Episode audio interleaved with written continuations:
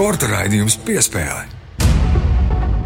Esiet sveicināti Latvijas radio pirmā kanāla sporta raidījuma piespēle klausītāji. Mani sauc Mārtiņš Kļavnieks, un mans kolēģis Mārcis Bergs arī šeit studijā. Sveiks, Mārtiņ! Sveiks, Mārtiņ! Sveicināti klausītāji! Šodien atkal uh, rūks motori. Protams, ne tiešā nozīmē studijā, bet daudz runāsim par motoru rūkšanu, stūres griešanu un ātru braukšanu, proti, par autosportu. Gan ar vienu konkrētu autosportistu, vienu no talantīgākajiem Latvijā, Tomasu Stolcermani, gan arī būs mums īpaša diskusija par autosportu. Jā, šajā reizē mums būs tāds šim gadam nedaudz netipisks formāts. Šajā reizē mēs esam izvēlējušies iztikt bez nedēļas notikuma topu, lai arī tajā būtu par ko parunāt. Uzreiz ķeramies klāt mūsu lielajai raidījumai raidījuma diskusijai, un tur mēs arī ieskicēsim šo mūsu hipotēzi, ko mēs ar tevi, Mārtiņ, izdomājām nedēļas gaitā raidījuma tapšanas laikā. Pēc īsa brīža jau diskusija.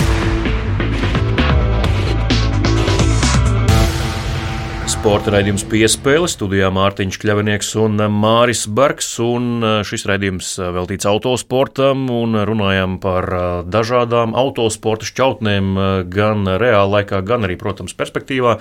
Pirmās formulas raidieraksta vadītāji Aldis Putniņš un Jānis Vanks ir mūsu studijā. Sveiki, kungi! Labdien! Parunāsim gan par pirmo formulu, bet vairāk tomēr par pirmo formulu, kas saistīta iespējams nākotnē kādu dienu būs ar latviešiem vairāk nekā ir šobrīd.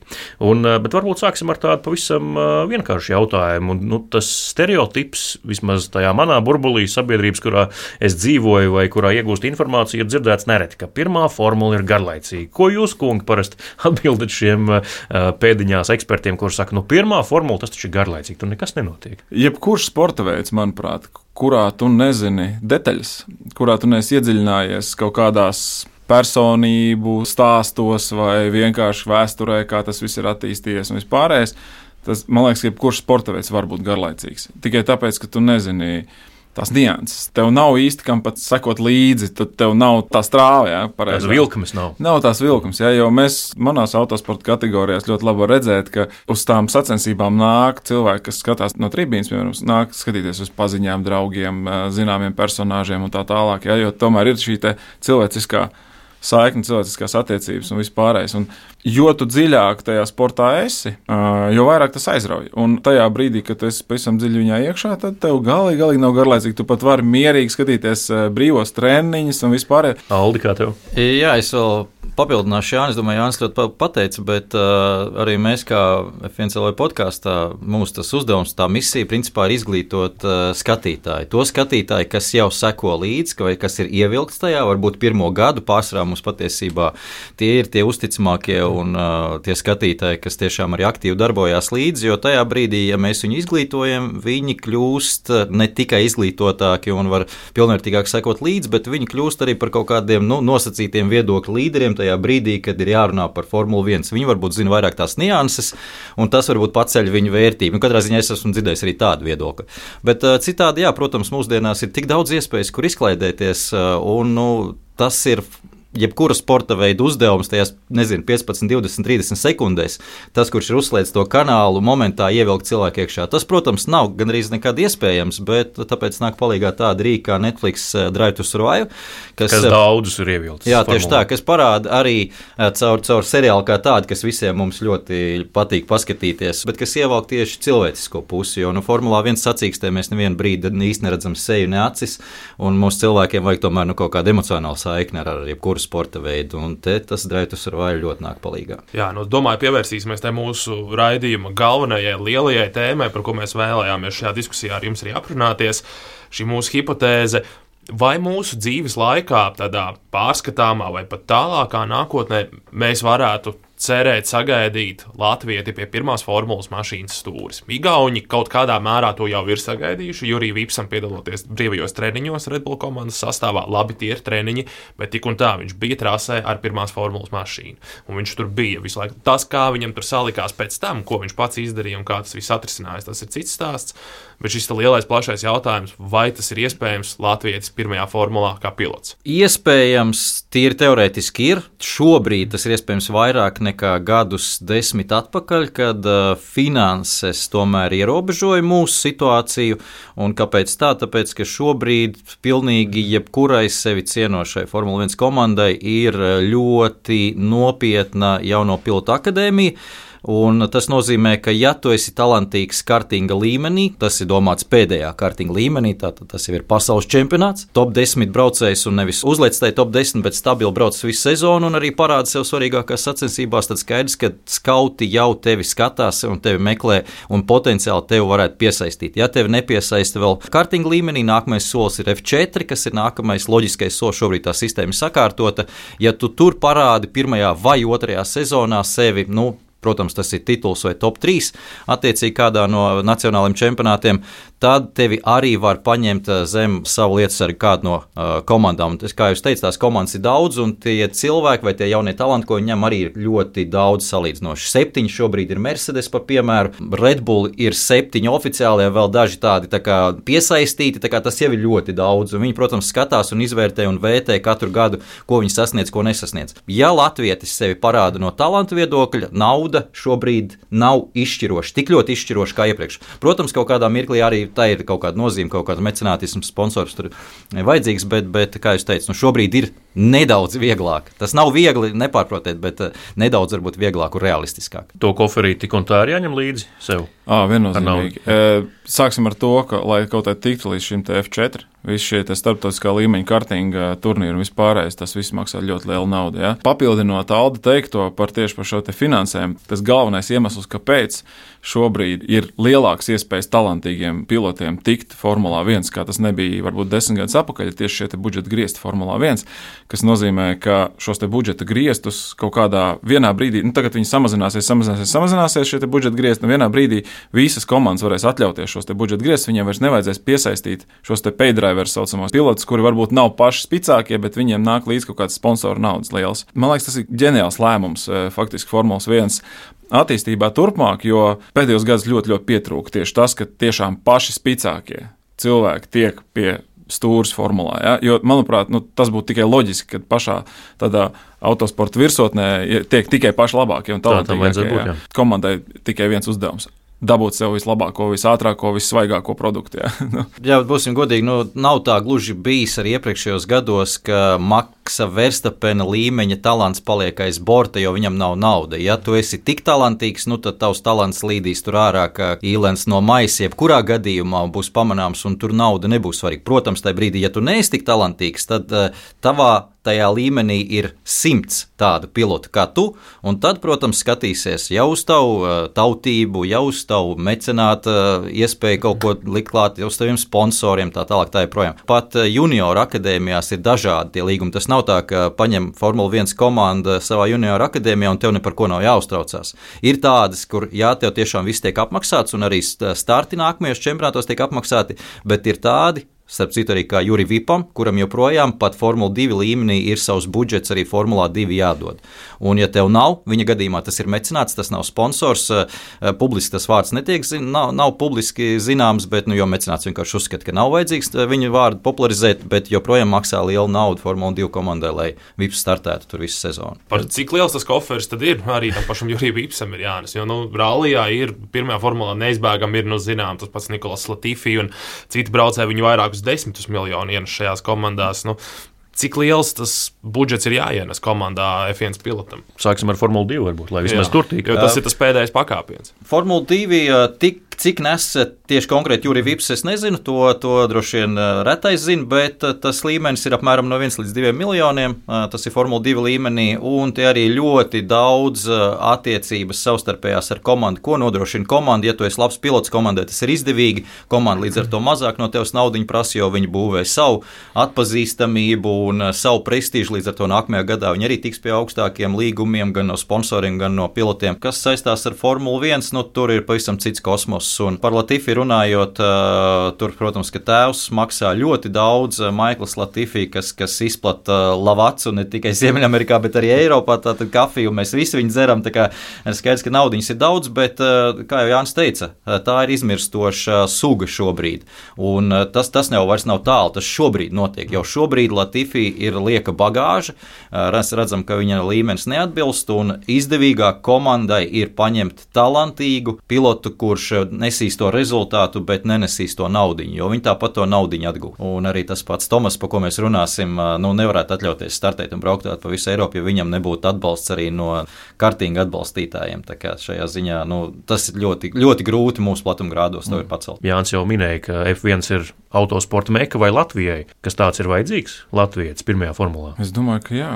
Es neredzu iemeslu, kāpēc tas nebūtu vajadzīgs. Jo jebkas, kur uh, latvieši var izsisties pasaules līmeņa augstākajā nu, plauktiņā, jā, nu, tas ir, manuprāt, tā ir prestiža lieta. Un, jā, kāpēc nē? Es neredzu iemeslu, kāpēc kādam būtu teikt, nē, mums to nevajag. Jā. Vienkārši tāpēc, ka tas ir augstākais autosporta līmenis, un, un ja mēs varam tur būt, nu, tad tas ir wow. Nu, tā skarbi izsakoties, nevienam jau te mums nav nav teikšanas, vai tas būs vai nebūs, jo Latvijas valsts tur ne, neieliek ne centa tajā. Mums nav par ko uztraukties, nevienam nodokļu maksātājam, tur mūsu nauda netiek tērēta tajā. Tieši tā. Tās viss ir vai nu vecāki, to liek iekšā, vai nu atrod sponsors un mecenāts. No valsts atbalsts tā īsti individuālam pilotam nestrādā. Ir tādi piemēri bijuši, bet to valsts dara apzināti, lai celtu valsts prestižu, bet tās parasti ir nu, tālu austrumu valstis, kas kaut kādā veidā, jebkādā veidā savu atpazīstamību grib celt, gan, gan trases būvējot, tāpat Azerbaidžāna. Līdz ar to nu, viņi nevar atrast varbūt tādu piemērotu pilotu un talantīgu, tad viņiem jābūvē trasi, lai pie sevis dabūtu to cirku F1 un, un atpazīstamību. Bet, Latvijā reālāk ir dabūt pilotu piloti nekā trasa. Viennozīmīgi. Šajā ziņā es domāju, ka trases būvniecībā gan tās ir milzīgas naudas, un tur jānāk no valsts kaut kādam investīcijam. Skaidrs, ka Formula 1 viena sacīksti gadā, kas absolūti nav garantēta, nu, tā trase nav dzīvotspējīga. Tur ir jābūt riņķī apkārt kompleksam, un mums, mēs nevarēsim noslogot to trasi. Tas nav, nav reāli, mums arī tas gan mums nav vajadzīgs pagaidām. Jā, nu par Tomasu Stolcermanu runājot, viņš ar tiešām labiem panākumiem, ļoti augstvērtīgiem panākumiem startē kartingā. Zinām, ka viņš arī paviesojās Ferrari šajā jauno braucēju tādā nu, skautinga nometnē, kā lai to pareizāk nosauc, bijis viens no četriem, pieciem braucējiem, kas tika uzaicināts uz šo Ferrari nometni. Kungi, pastāstiet, cik tas ir nopietni un uh, ko tas nozīmē, ka viņš ir iesaistīts šādā projektā, ka no Ferrari ir šāda interese, ka viņš tur ir bijis uzaicināts. Ko tas nozīmē? Jā, nu Ferrari jāņem pirmkārt vērā, ka ir ļoti konservatīva ne tikai kompānija, bet arī komanda kā tāda. Ja, ja viņi kaut ko ieliek savā mājaslapā, un ja viņi ieliek kaut ko savos sociālos mēdījos, tas nozīmē, ka tas nav tukšs gājiens tā ir lieta, kas ir pārdomāta un nopietna. Jo skaidrs, ka visa pasaule, visa autosporta pasaule sekos līdzi, kas tad notiek ar tiem četriem. Viņiem prasīs četriem, pieciem vienalga. Pilotiem, kā, kā jūs izvērtējāt, eh, kur ir rezultāti, vai mēs tagad varam gaidīt kaut kādu nākamo iesaukumu jūsu junioru akadēmijā. Tas jau ir nopietni, ka viņi izskata Tomas šādā līmenī. Tie rezultāti nav vēl zināmi, tos mēs vēl joprojām gaidām. Nu, katrā ziņā, cik no Tomas nometnes ir dzirdēts, tad visiem, vismaz pašiem sajūtas ir ļoti labas par to, kā tur ir gājis, bet nu, skaidrs, ka tie cilvēki varbūt skatās, kas to vērtē un izvērtē nedaudz savādāk, un mēs jau nezinām īsti, kā tiem pārējiem ir gājis.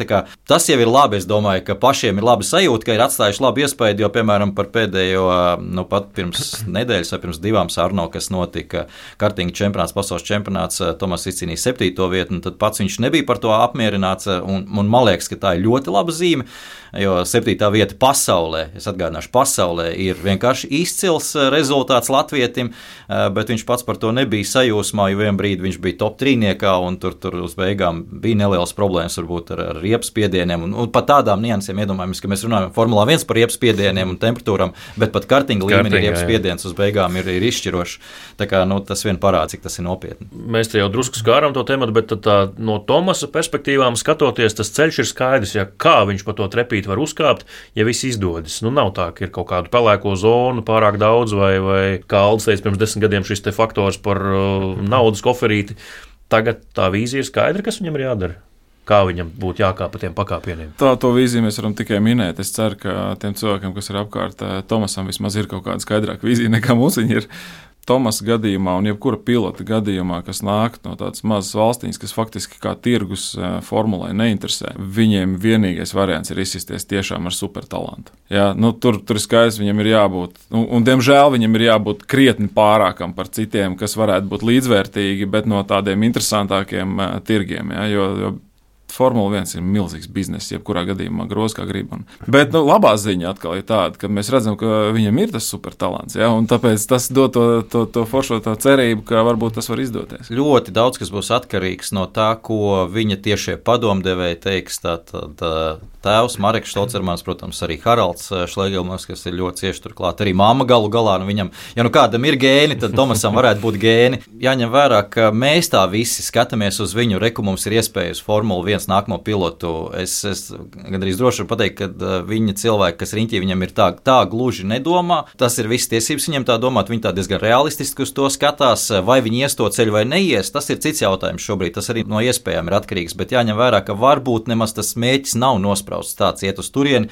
jo šobrīd ar, viņš ar savu sniegumu un ar saviem panākumiem ir ticis ļoti elitārā, ja tā var teikt, eh, grupā, kur viņš var nodrošināt savu iztiku, savu nākotni līdz mūža beigām, strādājot par ļoti augstu līmeņa speciālistu.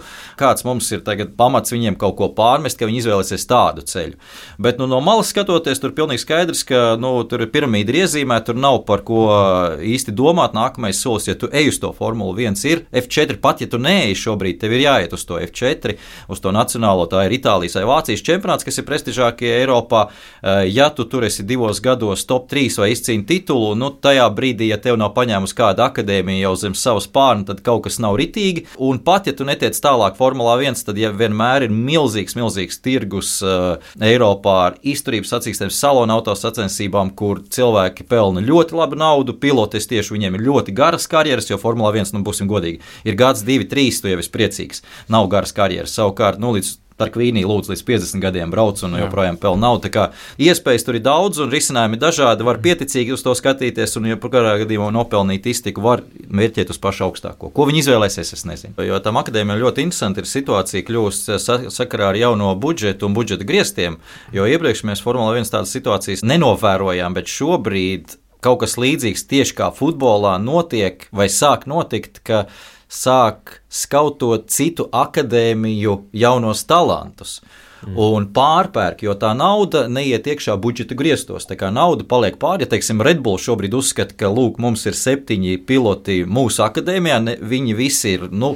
vanskari, nav, nav nekas no viņiem sanācis, bet mēs redzam, ka Alpīni ir uzaudzinājuši ļoti, ļoti talantīgu vienu, un mēs varam viņu pārpirkt. Es saku, piemēru, tas iet vaļā, un manuprāt, tas ir ļoti interesanti. Tā ir vēl viena dimensija, vēl viena lieta, kur arī Netflixam pieķerties klāt, jo tā ir tāda lieta, kas ir tā, tā cilvēciska, naudiska, un tas jau mums visiem patīk patīk. Un Oskara Piastri sāga ir to visu pavērusi. Es domāju, ka nu, pilnīgi citā līmenī vēl, jo skaidrs, ka līguma arī tagad arī tie juniori nebūs tā, ka viņi liks to galvu cilpā.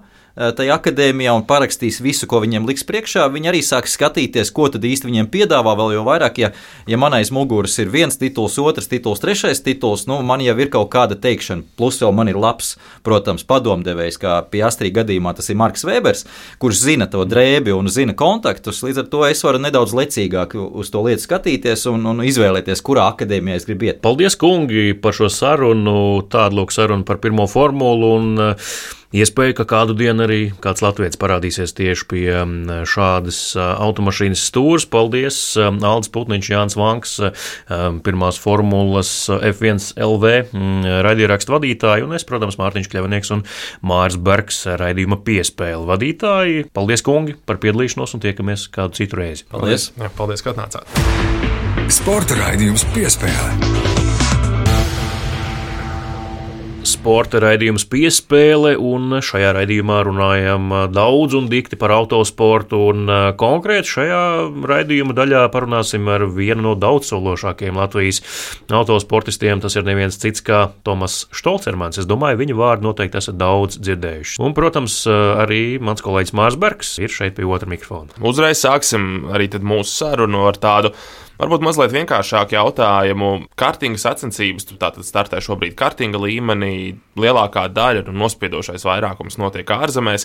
Kāda ir tā tava ikdiena, cik bieži tu atrodies mājās Latvijā un cik daudz tu esi ārzemē? Vidēji trīs nedēļas eh, mēnesī es esmu ārpus Latvijas. Pirmdienas, otrdienas vienmēr ir, eh, kā teikt, brīvas.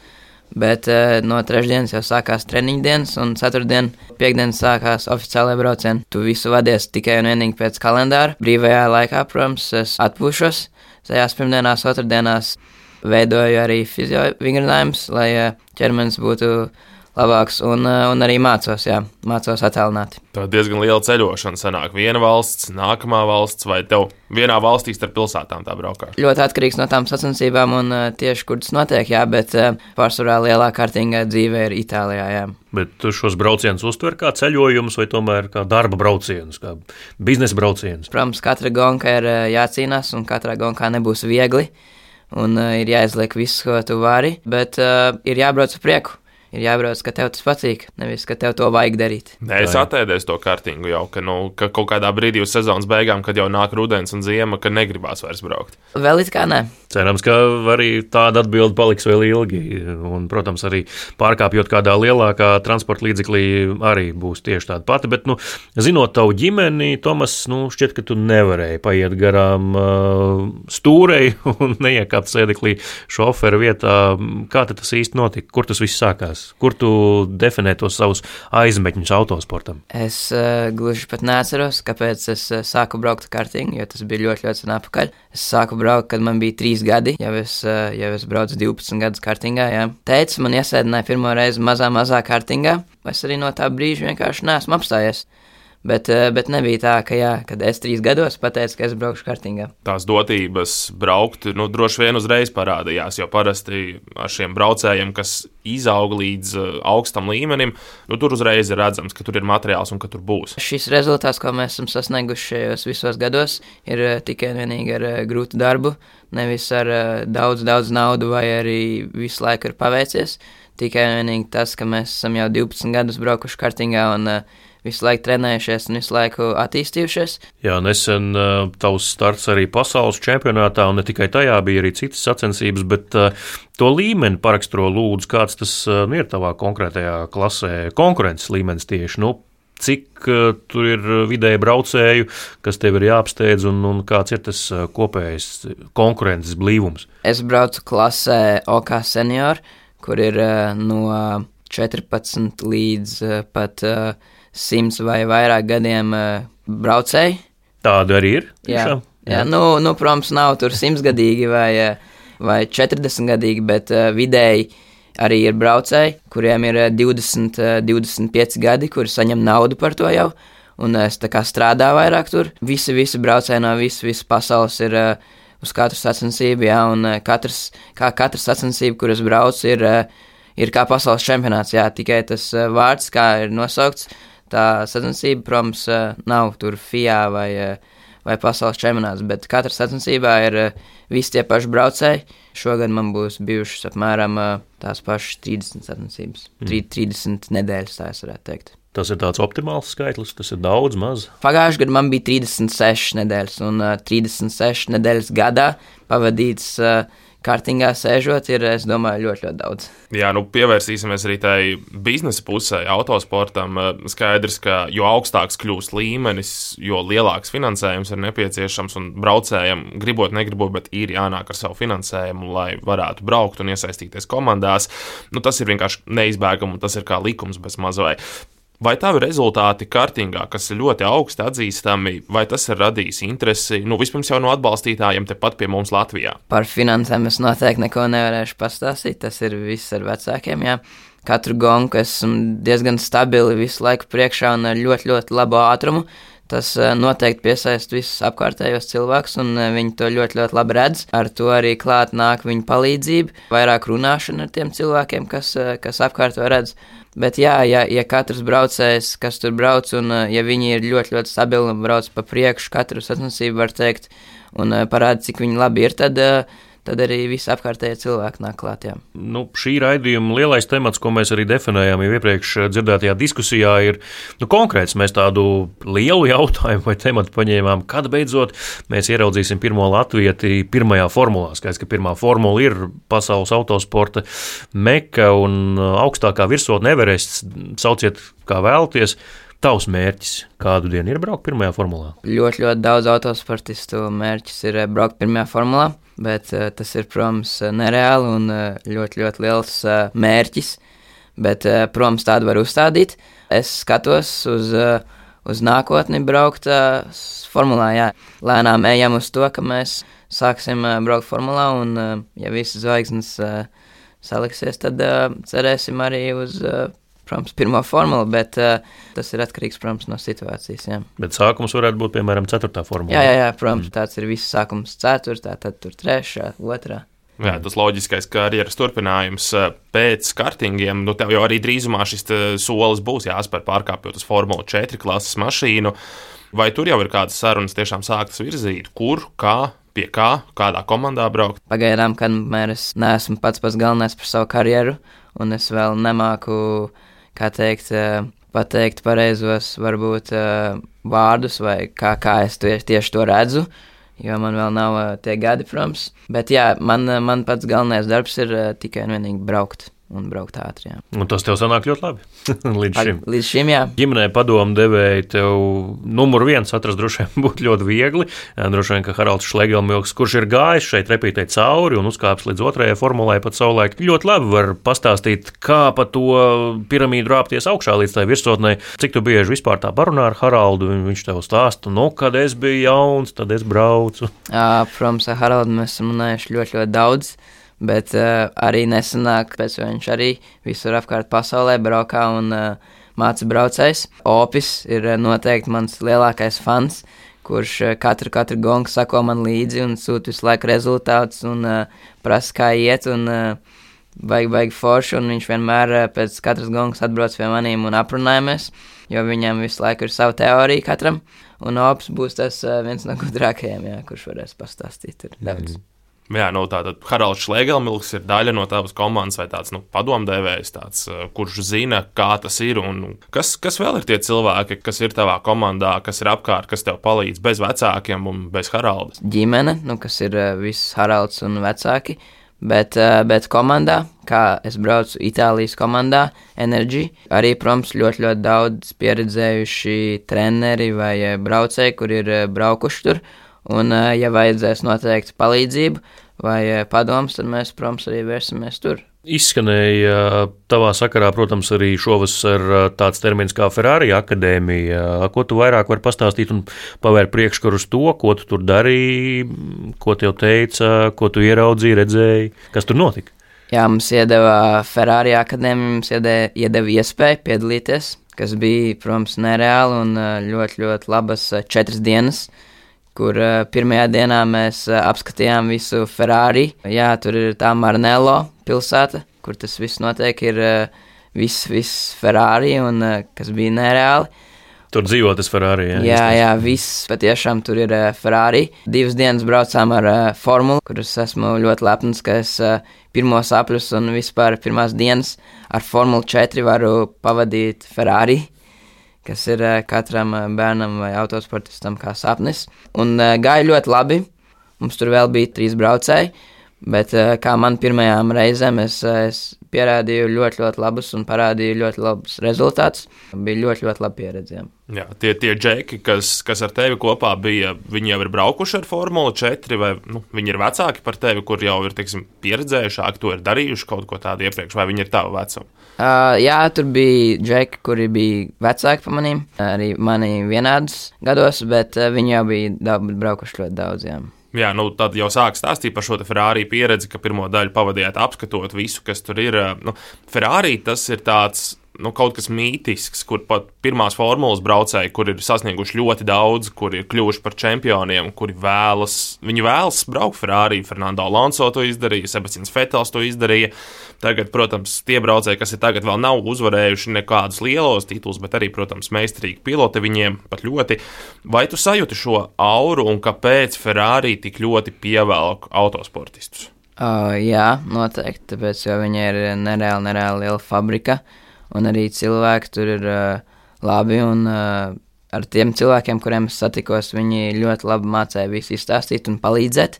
Tas viss ir uh, atkarīgs no situācijas, kāpēc arī Vētels tur brauc, tāpēc, jo viņam iespējams tur deva, deva labu, nevis līgumu, bet iespēju braukt komandā, un es domāju, ja katram braucējam dotu iespēju braukt komandā Fe Ferrari, tad viņi to izmantotu. Jā, nu, ja man piedāvāt, es noteikti piekrītu. Mārcis, domāju, tur arī jau tūlīt. Bet, uh, ko tas nozīmē? Ir kaut kas tagad uh, jāgaida, kāds viņu vēl uzaicinājums vai zvans, vai viņi tev sekos līdz kārtīgā.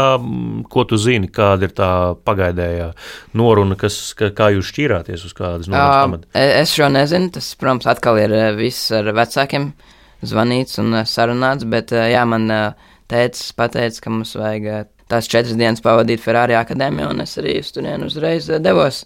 Un es biju ļoti, ļoti priecīgs, bet tas ir eh, atkal viss ar eh, vecākiem. Jā, kādi tad bija nu, tie rezultāti? Teica, ka bija priecīgs par šo iespēju, braukt Formulā 4. Cik ātri gāja? Pat ļoti diezgan ātri adaptējos tieši no kartinga uz Formula 4 ar visām bremzēm un visu piespiedēju spēku, kas viņai ir. Neteikšu, ka viņi gāja baigā ātri. Viņi gāja uz 200, 220 km/h.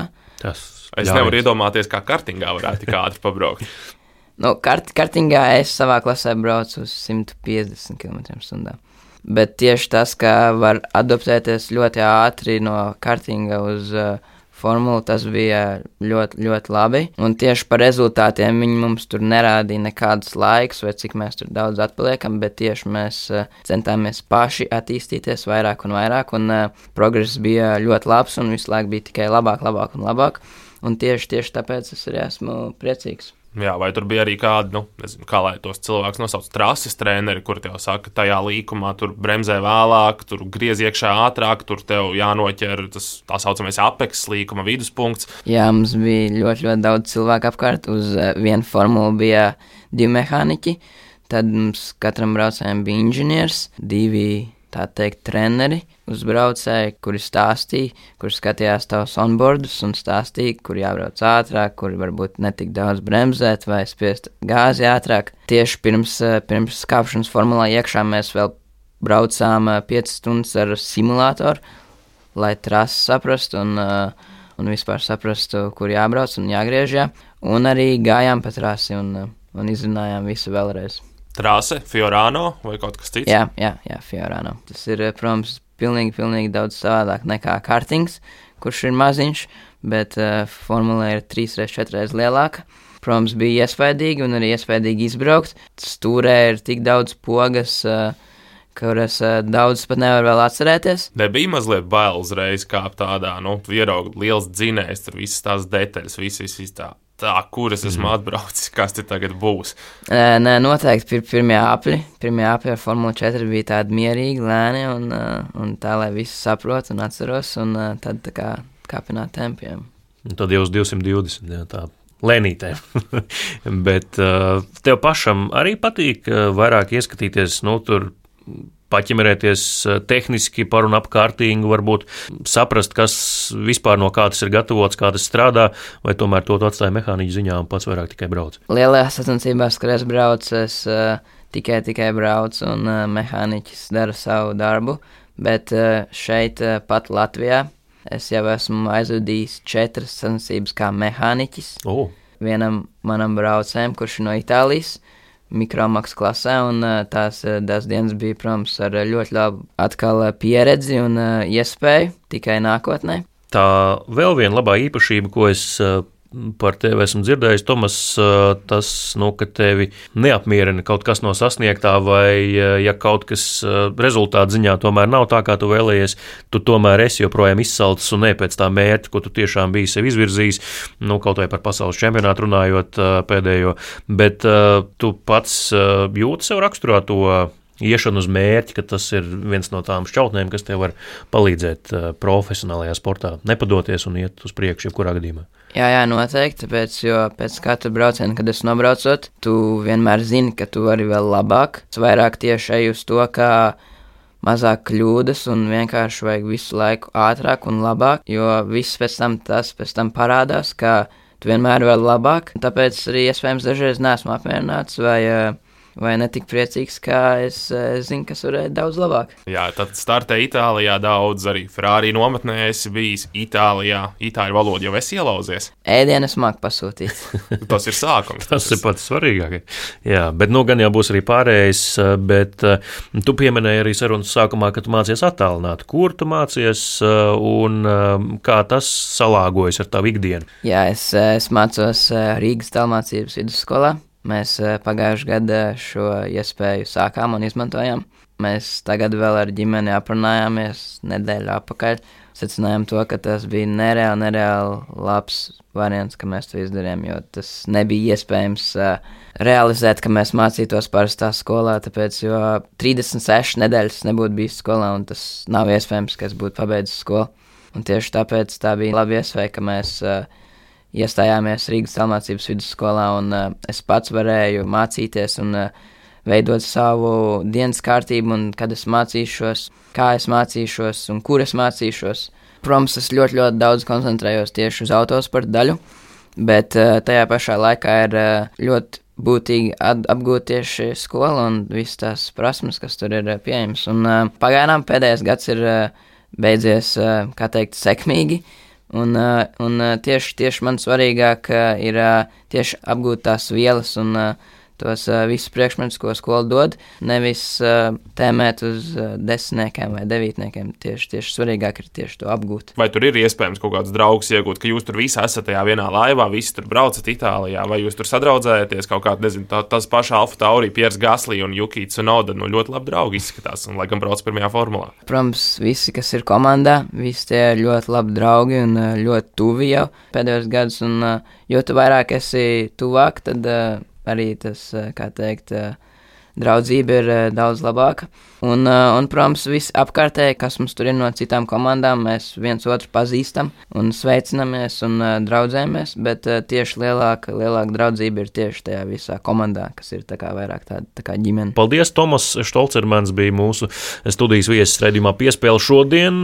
Liels tev paldies par šo sarunu, bija ļoti interesanti, un es domāju, ka pēc gadiem desmit šī būs ļoti vērtīga saruna, ko izvilkt no putekļainiem arhīviem un atkal atskaņot ka Tomas būs pavisam citā līmenī un uh, kaut ko droši vien lielu sasniedzis. Tā kā uh, paldies tev par šo sarunu, lai veicas. Jā, paldies, paldies. ka atnācāt, lai izdodas. Piespēle.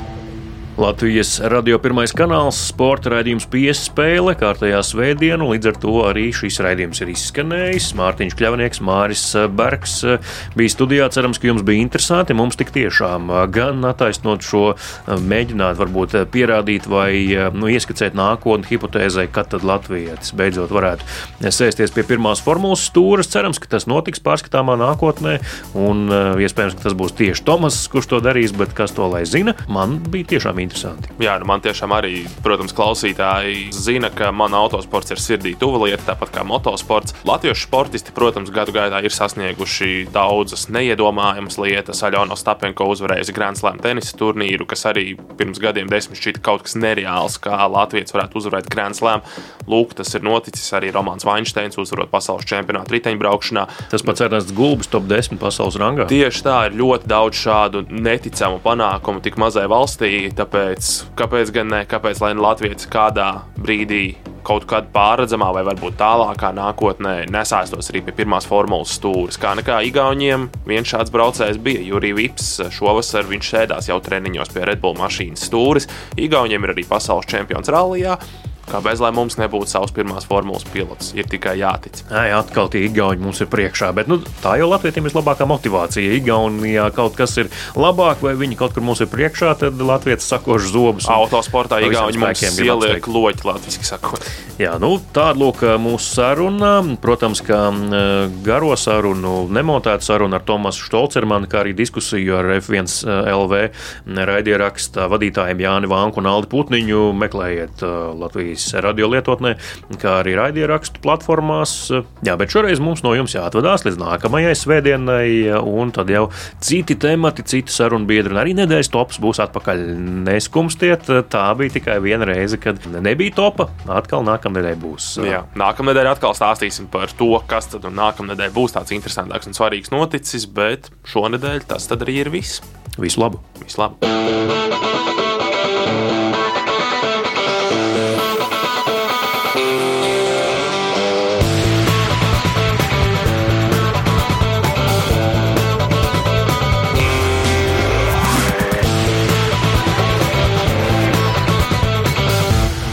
Sporta raidījums piespēlē.